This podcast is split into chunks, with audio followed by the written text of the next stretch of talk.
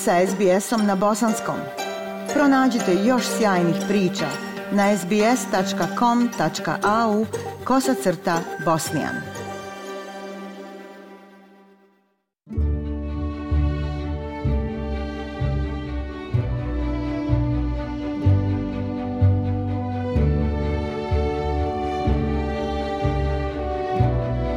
Slušate program SBS radija na bosanskom jeziku. Prije par dana, tačnije 29. decembra, legenda brazilskog i svjetskog futbala Pele preminuo je u 83. godini.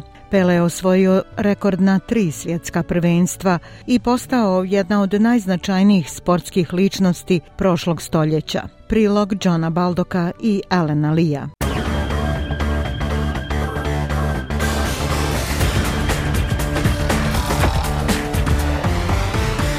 brazilski kralj futbala Pele proveo je skoro dvije decenije očaravajući navijače i zadivljujući protivnike kao najbolji strijelac utakmica sa brazilskim klubom Santosom i reprezentacijom Brazila. Njegova gracioznost, atletizam i očaravajući potezi oduševljavali su igrače i navijače.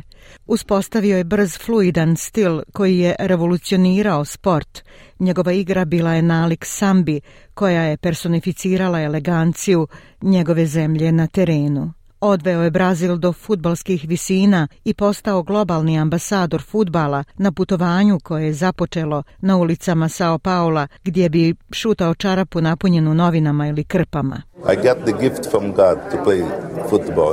Dobio sam dar od Boga da igram futbal. Uvijek se trudim da dam sve od sebe, dajem sve od sebe za ljude, za publiku, govorio je Pele. U razgovoru o najvećim igračima futbala uz Pelea se pominju samo Diego Maradona, Messi i Cristiano Ronaldo. Ali David Trihon, koji je producent dokumentarca o Peleu, rekao je da su takva poređenja besmislena. People get into the argument of who's the greatest and I think these sort of cross-generational discussions aren't particularly helpful. Ljudi se um, upuštaju u raspravu o tome ko je najveći, ali mislim da ove vrste diskusija među generacijama nisu od posebne pomoći, ali jedna stvar koju uvijek morate reći u vezi Pelea da je on prvi. Edson Arantes de Nascimento, rođen u oktobru 40. postao je poznat kao Pele. Pridružio se klubu Santos 56. a svijetu je predstavljen sa 17 godina na svjetskom prvenstvu 58. u Švedskoj i bio najmlađi igrač ikad. Iznesen je s terena na ramenima sa igrača nakon što je postigao dva gola u pobjedi Brazila na domaćinom s rezultatom 5 naprama 2 u finalu. Pele je bio amblem triumfa svoje zemlje i na svjetskom prvenstvu u Meksiku 1970. Postigao je gol u finalu i nonšalantnim dodavanjem namjestio Carlosu Albertu posljednji go u pobjedi nad Italijom od 4 naprama 1. Slika Pelea u sjajnom žutom dresu Brazila sa brojem 10 utisnutim na leđima ostaje živa među futbolskim navijačima svugdje, kao i njegova proslava zaštitnog gola, skok s desnom pesnicom visoko iznad njegove glave. Brazilska vlada proglasila ga je nacionalnim blagom nakon pobjede od 5 naprama 2 protiv domaćina u finalu, a njegova dva gola potaknula su prvu pobjedu Brazila na svjetskom prvenstvu. Od tada je njegova slava rasla. U intervju za Les Maria sa SBS-a 2006. podijelio je priču o svom rodnom mjestu i objasnio zašto je uspio prevladati toliko zdravstvenih problema u svom životu. I born in a small town Three Hearts. Rođen sam u malom gradu Tres Korakos i ja imam tri srca. Imam jedno, imam dva rezervna i imam dug život.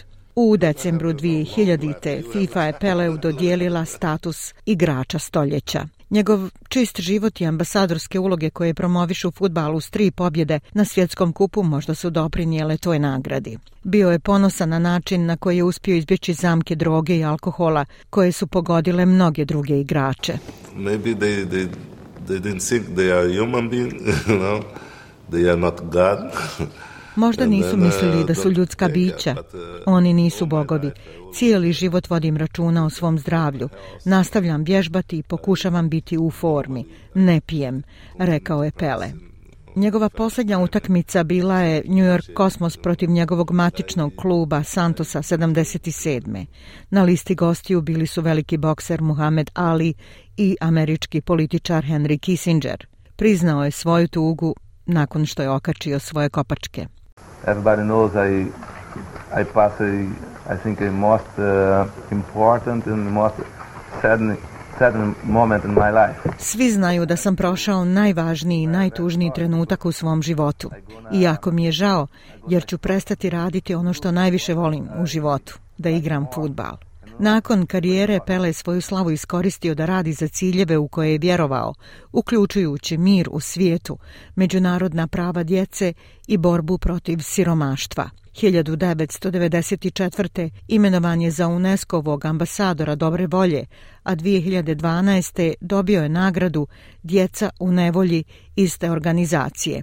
Prije četiri godine Pele je pokrenuo istoimenu fondaciju, dobrotvornu organizaciju posvećenu osnaživanju djece. David Trihon kaže da je uvijek bio ponosan što je Brazilac. I think the other thing people forget with Pele is that he's very very Brazilian and he loves being Brazilian. He played his whole career in Brazil technically. Mislim da je druga stvar koju ljudi zaboravljaju kod Pelea, da je on Brazilac. Igrao je cijelu karijeru u Brazilu. Veoma je ponosan na to što je Brazilac a brazilski navijači poput Flavija Augusta govoreći tokom svjetskog prvenstva u Kataru uzvratili su tu ljubav. pele Pele represents what we are, what we came from. Pele is our roots. It's what we are today. It's thanks, it's thanks to him.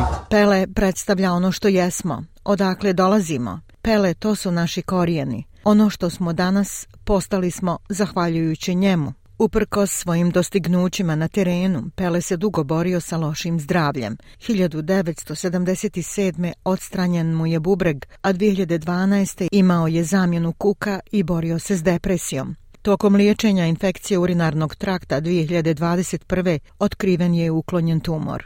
Napustio je bolnicu da se podvrgne hemoterapiji prije nego što je konačno izgubio bitku sa bolešću. Ja sam Aisha Hadži Ahmetović. Ostanite uz program SBS radija na bosanskom jeziku. Like, share, comment. Pratite SBS Bosnian na Facebooku.